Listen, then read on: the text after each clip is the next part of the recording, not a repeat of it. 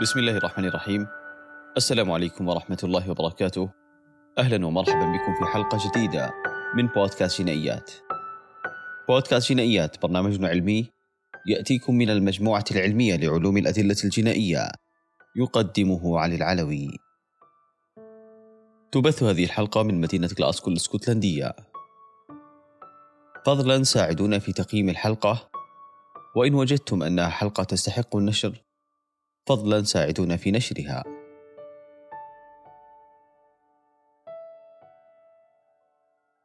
أسهمت الأفلام والمسلسلات البوليسية في إبراز مجموعة من الأدلة وربما نستطيع القول أنها زادت في تعريف الناس عن أهميتها ودورها في الإثبات الجنائي كالبصمات والحمض النووي والأسلحة النارية وغيرها. وعلى الرغم من ذلك فلا يزال هناك مجموعة من الآثار الضئيلة يغفل عنها كثيرا من خبراء الأدلة الجنائية في مسارح الجرائم رغم أهميتها العلمية في الإثبات الجنائي. هل سمع أحد منكم عن نظرية الترابط؟ The Linkage Theory تقوم هذه النظرية العلمية على مبدأ أساسي وهو أنه لا بد من وجود علاقات مكانية وزمانية لإثبات الحالة الجنائية بين الجاني والمجني عليه ومسرح الجريمة. ولا بد أيضا من توافر أدلة تثبت حدوث الجريمة حتى ولو كان هناك هروب للجاني أو اختفاء للمجني عليه. وقد استفاد الخبراء من هذه النظرية في معظم القضايا الجنائية مما مكنها في أن تصبح واحدة من أهم الأسس العلمية الجنائية في مجال التحقيقات العلمية لمسارح الجرائم. في عام 1935 ميلادي. تم ولأول مرة قبول ما يسمى بعلم النباتات الجنائي ضمن الأدلة الجنائية المعتمدة في القضايا الجنائية. وذلك بعد قبول شهادة خبير النباتات دكتور آرثر كوهلر في قضية هامة أطلق عليها في تلك الفترة بقضية القرن. نظرا لما سببته من إثارة للرأي العام في الولايات المتحدة الأمريكية. فقد حاول محامي الدفاع بكل ما أوتي من سبل. الاعتراض على أن يدلي الدكتور آرثر كوهلر بشهادته بسبب أن علم النباتات ليس له أي تطبيقات جنائية ولم يكن معترفا به في قاعات المحاكم. ومع ذلك فقد أجاب القاضي بأنه يمكننا اعتباره من الآن علما معترفا به في القضايا الجنائية. فكان هذا الاعتراف لحظة تاريخية لعلم النباتات الجنائي. تلعب النباتات وبقاياها وأجزاءها أدوارا علمية هامة في التعرف على المشتبه بهم وبل وحتى في تحديد مواقع الجرائم. حبيبات اللقاح تكشف المجرمين. في هذه الحلقة سنتحدث عن حبيبات اللقاح وسنتعرف عليها وكيف أنها أسهمت في حل عددا من القضايا الجنائية بل وكان لها دورا بارزا في التحقيقات الجنائية. قصة البداية. دعونا نعود بكم إلى عام 1969 ميلادي. لنعلم أن هناك ارتباط بين هذا التاريخ وبين حدث مهم حصل فيه. كانت له علاقة مباشرة بموضوع حلقتنا لهذا اليوم. وكان من نتائجه بروز أول استخدام موثوق لحبيبات اللقاح في العلوم الجنائية. تدور أحداث هذه القضية حول اختفاء رجل في النمسا يدعى بيتر هابلر. وذلك بالقرب من نهر الدانوب ولم يتم العثور على جثته. تم إبلاغ الشرطة باختفائه وبدأت الشرطة بتشكيل فرق للبحث عنه. وخلال التحقيقات تم الاشتباه بشريكه هاينز مينز وتم اعتقاله بدافع القتل ووجهت إليه التهمة بذلك. وتم في تلك الأثناء تفتيش مقصورة مركبة المشتبه به. وهناك عثرت الشرطة على زوج من الأحذية ممتلئة بالوحل الجاف والذي أتاح فرصة جديدة وأفقا لأثر قد يكون مهما في التحقيق. استدعت الشرطة أحد المختصين في علم الأحافير وهو العالم فيلهم كلاوس من قسم علم النباتات القديمة من جامعة فيينا. لإبداء رأيه العلمي كخبير فيما يتعلق بعينات الطين والأحافير التي تم تحريزها من هذه الأحذية. تمكن هذا الخبير من التعرف على عدد من حبيبات اللقاح الحديثة في العينات المرفوعة، وكان من ضمنها حبيبات اللقاح الراتنجي والتي تعود لأشجار التنوب والصفصاف. كما عثر أيضا على حبيبات لقاح أحفورية يصل عمرها إلى حوالي 20 مليون عاماً. قادت هذه الأنواع من حبيبات اللقاح إلى تحديد البقعة الجغرافية التي يمكن أن يتواجد فيها هذا المزيج من حبيبات اللقاح والخصائص البيئية له. وكانت عبارة عن منطقة صغيرة معروفة تقع بالقرب من شمال فيينا. وبمواجهة المشتبه به بهذه المعلومات الجديدة اعترف بارتكابه لجريمة القتل وقاد السلطات إلى موقع القبر السري للضحية. في المنطقة التي حددها تحليل كلاوس. انتقلت الشرطة إلى الموقع الذي حدثت فيه هذه الجريمة، وكانت على امتداد نهر الدانوب من جهة الشمال، في منطقة تكونت بها صخور من العصر الميوسيني، وغابة تتكون من خشب التنوب والصفصاف والألدر. وتمكن الخبراء من اكتشاف الجثة، وكان مفتاح كشف غموض هذه الجريمة هو حبيبات اللقاح. يعد هذا الحدث من أوائل القضايا الجنائية التي تم فيها الاستفادة من حبيبات اللقاح وتواكب تطورها مع التطورات الحديثة الخاصة بالمجال الجنائي. إلا أنه لا يزال ومع ذلك من ضمن المجالات النادرة والمهملة. ومضات علمية عن حبيبات اللقاح.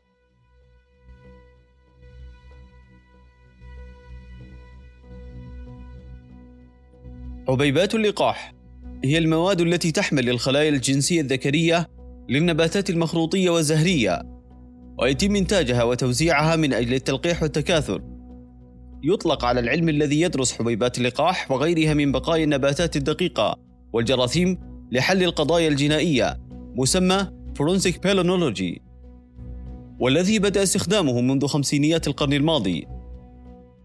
وتكمن أهمية حبيبات اللقاح كأحد الأدلة التي يمكن الاستفادة منها في القضايا الجنائية بسبب حجمها غير المرئي للعين البشرية. كما يمكن أن تنتقل بشكل شائع فغالبا ما يمكن التصاقها بكل من الملابس والشعر والأنف. وفي أحيان كثيرة تكون تحت الأظافر وغيرها. كما ويمكن أيضا انتقالها دون ظهور أي علامات مرئية تدل على حدوث ذلك. وتمتاز حبيبات اللقاح أيضا بوفرتها في البيئة ومقاومتها للتكسر والتحلل الميكانيكي والبيولوجي والكيميائي مما يمكن من الاحتفاظ بها. كذلك فإن شكل حبيبات اللقاح قد يسمح بتحديد أصناف نباتية معينة. وبشكل عام يمكن الاستفادة من حبيبات اللقاح في إنشاء رابط بين مكانين أو أشياء أو أشخاص. فعلى سبيل المثال يمكن ربط المشتبه به بمسرح الجريمة وأيضا ربط عنصر أو أي شيء قد ترك في مسرح الجريمة بالمشتبه به أو حتى ربط مسرحين لحادثين منفصلين. فمثلا لو كان المشتبه به موجودا في مسرح جريمة معين على سبيل المثال حقل أو حديقة وكان يمكن العثور على حبيبات اللقاح فيه فربما يكون هذا المشتبه به قد التصقت حبيبات اللقاح بملابسه أو على شعره. ويعود السبب في ذلك نظرا لأن حبيبات اللقاح شديدة المرونة. لذا فإنها غالبا ما تلتصق بالأشياء الأخرى وتبقى حتى بعد غسل تلك الأشياء. فإذا كانت حبيبات اللقاح للشخص المشتبه به مطابقة لحبيبات اللقاح التي تم جمعها من مسرح الجريمة فإن هذا قد يشير إلى أن المشتبه به كان موجودا بالفعل في ذلك المكان. ويمكن أيضا الاستفادة من دراسة حبيبات اللقاح في تحديد تاريخ السفر لعنصر ما وقد تساعد كذلك في تحديد مصادر بعض الأشياء كالمواد المخدرة والأموال غير المشروعة وحتى الطعام. وذلك من خلال تحليل حبيبات اللقاح المستخلصة من العناصر المشبوهة. كما يمكن أيضا تتبع هذه العناصر إلى بلد معين إذا كانت حبيبات اللقاح التي تم تحديدها مميزة بشكل كاف. وكذلك تساعد حبيبات اللقاح الشرطة في التحقيقات وذلك من خلال تضييق قائمة المشتبه بهم وحتى إثبات أو دحض الأعذار بالإضافة إلى المساعدة في تحديد موقع المقابر السرية ورفات الموتى. ومن الممكن أيضا أن تساعد في تحديد وقت التحلل للرفات البشرية. تعتمد الطريقة الأكثر فائدة لجمع وتحليل حبيبات اللقاح على المعدات المناسبة والخبرة والمواد المرجعية ويجب على الخبير المختص إذا كان ذلك ممكنا زيارة مسرح الجريمة من أجل جمع العينات وإجراء مسح للنباتات والتقاط أي صور حسب الحاجة. ويعتبر شكل حبيبات اللقاح معقدا إلى حد ما ولكن من الممكن التمييز بينها والتعرف عليها. كذلك يمكن أن يكون هناك اختلاف فيما بينها خصوصا في الشكل والحجم وهيكل الجدار والمظهر العام. فيقوم الخبير بدراستها وتحليلها وإجراء المقارنات بينها باستخدام خبرته الخاصة وذلك من خلال المجموعات المرجعية المتوفرة من حبيبات اللقاح. غالبا ما يتم إجراء تحليل حبيبات اللقاح باستخدام المجهر الضوئي الذي يسمح بالاطلاع على العينه من خلال العدسات. وكذلك باستخدام طريقة The Wild Field Fluorescent Method and the Structured Elimination Method والتي يمكن اعتبارها من الطرق التقليدية الشائعة عند الكشف عن حبيبات اللقاح. بالإضافة إلى ذلك، يمكن استخدام طريقة الفحص المجهري الإلكتروني scanning electron microscope ومن الطرق المتطورة للكشف عن حبيبات اللقاح ما يعرف بتقنية الحمض النووي والتي يمكن أن تعد واحدة من أسرع الطرق المستخدمة للتمييز بين حبيبات اللقاح وتتميز هذه الطريقة بأنها قادرة على تحديد تصنيفات متعددة وأيضا تحدد بشكل أكثر كفاءة أجزاء الكائن الحي التي قد لا يمكن تمييزها من ناحية الشكل باستخدام الطرق الأخرى.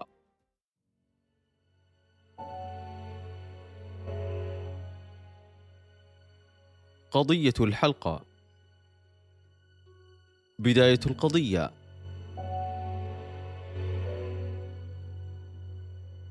وننتقل بكم الآن إلى مدينة ليدز الإنجليزية بمقاطعة يوركشير حيث تقطن فتاة تدعى ليان تيرنان وكانت تبلغ من العمر 16 عاما كما كانت تدرس في مدرسة غرب ليدز الثانوية. اختفت ليان في ظروف غامضة وكان ذلك في يوم الأحد الموافق السادس والعشرون من شهر نوفمبر من عام 2000 ميلادي وذلك أثناء عودتها من التسوق مع صديقتها سارة وايت هاوس فبعد افتراقيهما اتجهت ليان إلى منزلها عبر طريق مظلم عند الساعة الخامسة مساء. لاحظت أمها تأخرها واتصلت عليها. ورن الهاتف لبعض الوقت. ثم انقطع الاتصال. وعندما كررت الأم المحاولة مرة أخرى كان الهاتف مغلقا. وعند الساعة السابعة مساء قامت بالاتصال بالشرطة والإبلاغ عن اختفاء ابنتها. استجابت الشرطة الإنجليزية للبلاغ وأطلقت عملية بحث ضخمة. انضم إليها أكثر من 200 فرد من شرطة غرب يوركشير ومن المتطوعين. بالإضافة إلى ذلك فقد تم استخدام الطائرات للمسح الجوي وكذلك الكلاب البوليسية وأدوات المساندة المختلفة. وتم البحث عنها تحت الممرات المائية وكذلك مواقع الصرف الصحي. كما شمل البحث أكثر من 1750 مبنى لدرجة أن الشرطة أوقفت عمليات جمع النفايات المنزلية بشكل مؤقت للسماح بتفتيش جميع الصناديق في المنطقة بحثا عن أي أدلة قد تقود إلى التعرف على مكان الفتاة المفقودة. لكن ذهبت كل هذه الجهود سدى دون أن يتم الكشف عنها. وبعد اختفائها بتسعة أشهر وفي منطقة ليندلي وودز بالقرب من مدينة ليدز. عثر رجل كان يمشي مع كلبه في الغابة على جثمان كان يبعد 25 كيلومترا عن منزل ليان. فقام بإبلاغ الشرطة واستطاع الخبراء من رفع بصمات الضحية ومن ثم التعرف عليها وذلك بعد مقارنتها مع قواعد بيانات البصمات الوطنية. وبينت هذه المقارنات أن هذه الجثة تعود إلى ليان تيرنان. وأعلنت بعدها الشرطة أن القضية أصبحت قضية تحقيق في جريمة قتل وأطلقت عليها اسم عملية الصنوبر.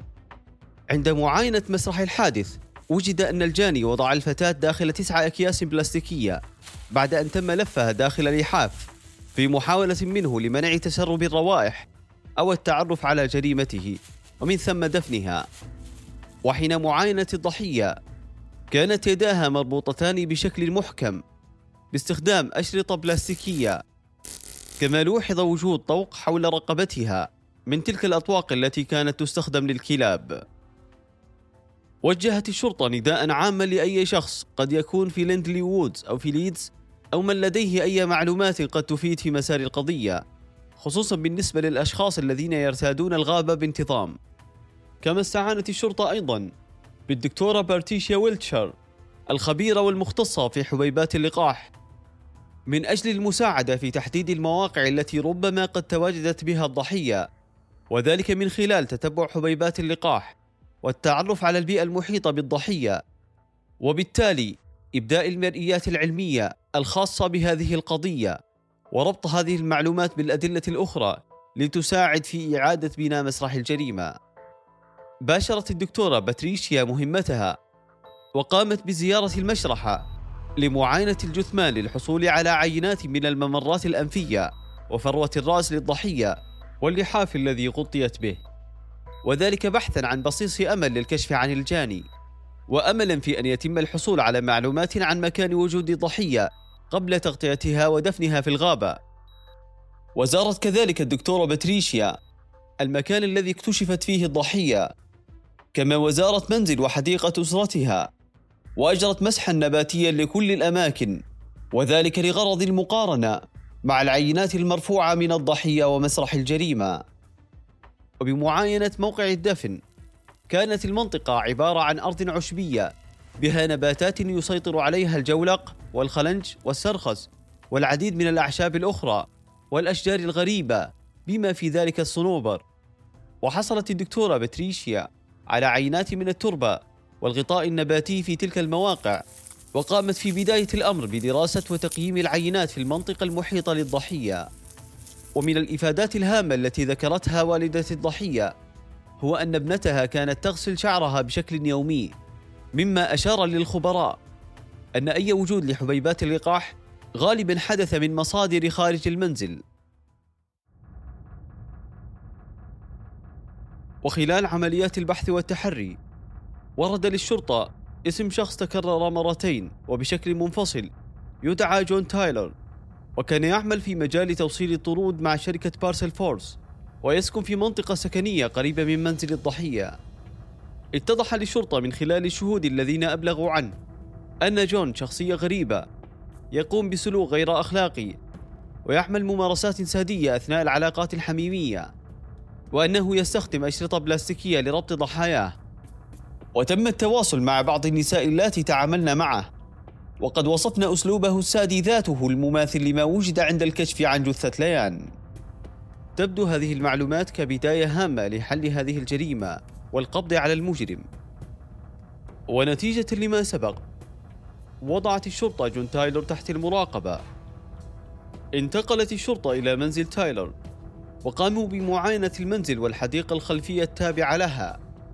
وفي أثناء المسح الأولي كانت جميع النباتات التي تم تحديدها على الضحية موجودة بالفعل في حديقة منزل جون تايلر.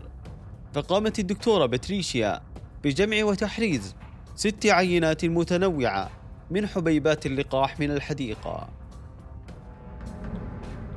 نتائج التحقيقات العلمية للقضية. أظهرت المعاينة الخارجية للضحية تلامس شعرها بشكل مباشر مع التربة والغطاء النباتي لمدة ليست قصيرة. كما ولوحظ أن شعرها كان يحتوي على كميات وفيرة من حبيبات اللقاح وشظايا مجهرية من الفحم بالإضافة إلى شظايا خشبية كبيرة وضئيلة ومتفحمة والعديد من الجراثيم الفطرية. وكانت تراكيز هذه المواد عالية مما يعطي مؤشرا على حدوث اتصال لفترة طويلة في أماكن تعرضت للاحتراق مسبقا. كان هناك توافق وثيق بين الآثار التي تم جمعها من الضحية واللحاف مع حديقة المشتبه به والتي تشمل حبيبات اللقاح وأصناف الأبواغ وكان هناك تشابه بين بقايا الفطريات وعناصر الخشب المتفحمة والأجزاء المجهرية الأخرى. ونتيجة لهذا التشابه الوثيق بين هذه النتائج وانخفاض مستوى التشابه مع نتائج المواقع الأخرى يشير إلى أن ليان تيرنان كانت في الحديقة في وقت ما خلال اختفائها. وتطبيقا لمبدأ لوكارد لتبادل المواد والذي ينص على أنه عند تلامس جسمين فلا بد أن يترك كل جسم أثرا على الآخر. ونتيجة لذلك فقد انتقلت آثار حبيبات اللقاح وبقايا الفطريات وبقايا الفحم إلى الضحية.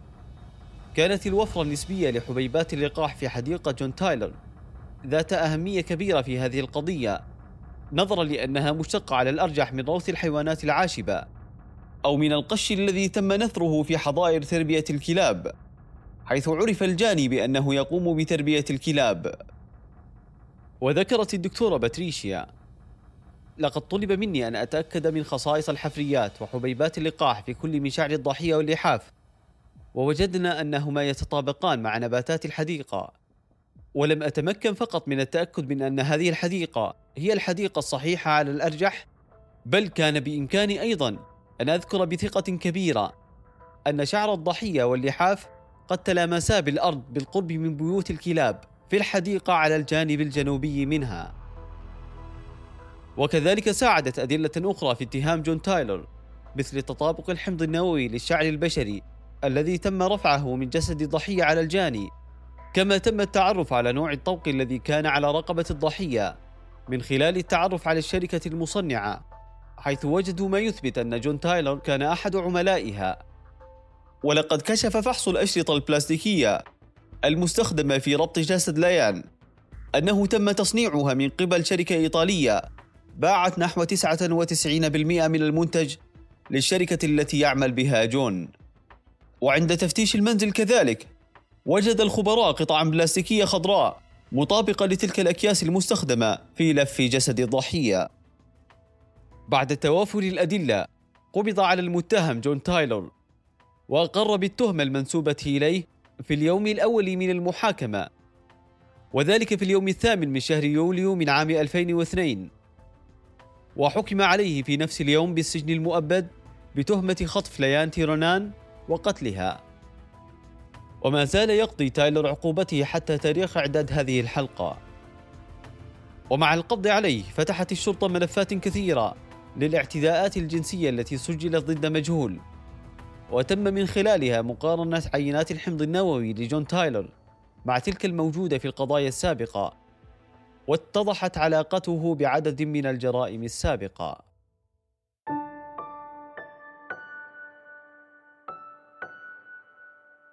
لقد أسهمت تطبيقات حبيبات اللقاح في المجال الجنائي في حل العديد من القضايا الجنائية. وأمكن ذلك من خلال ربط الجنات والمجني عليهم بالأماكن التي ارتادوها. كما مكن أيضا من تقدير الزمن الذي حصلت فيه الجرائم من خلال تواجد حبيبات اللقاح من عدمه وفقا للفصول الموسمية. كما ساهمت كذلك في الاستفادة من الوصف البيئي لمسارح الجرائم المجهولة. بدقة عالية من خلال تحليل حبيبات اللقاح. لقد ساعد التنوع البيئي والجغرافي من قيمة هذه الآثار في الإثبات الجنائي. وختاما فإن الحاجة ماسة إلى الالتفات لهذه الأنواع من الأدلة وعدم فقدانها من مسارح الجرائم نظرا للقيمة العلمية الهامة التي يمكن أن تقدمها في حل القضايا الجنائية. والله ولي التوفيق. عد الحلقة ورجعها الأستاذ الدكتور عبد الرحمن الضباح دكتور سلطان الجابر العسول سيف ومقدمكم علي العلوي. تجدون روابط متنوعة مرتبطة بموضوعنا في وصف الحلقة. فضلا ساهموا معنا في نشر الجنائيات وتقييم الحلقات في منصات البودكاست. تابعونا على حسابات المجموعة على مواقع التواصل الاجتماعي وزوروا موقعنا الإلكتروني saudicsi.com إلى أن نلقاكم في الحلقة القادمة بإذن الله. والسلام عليكم ورحمة الله وبركاته.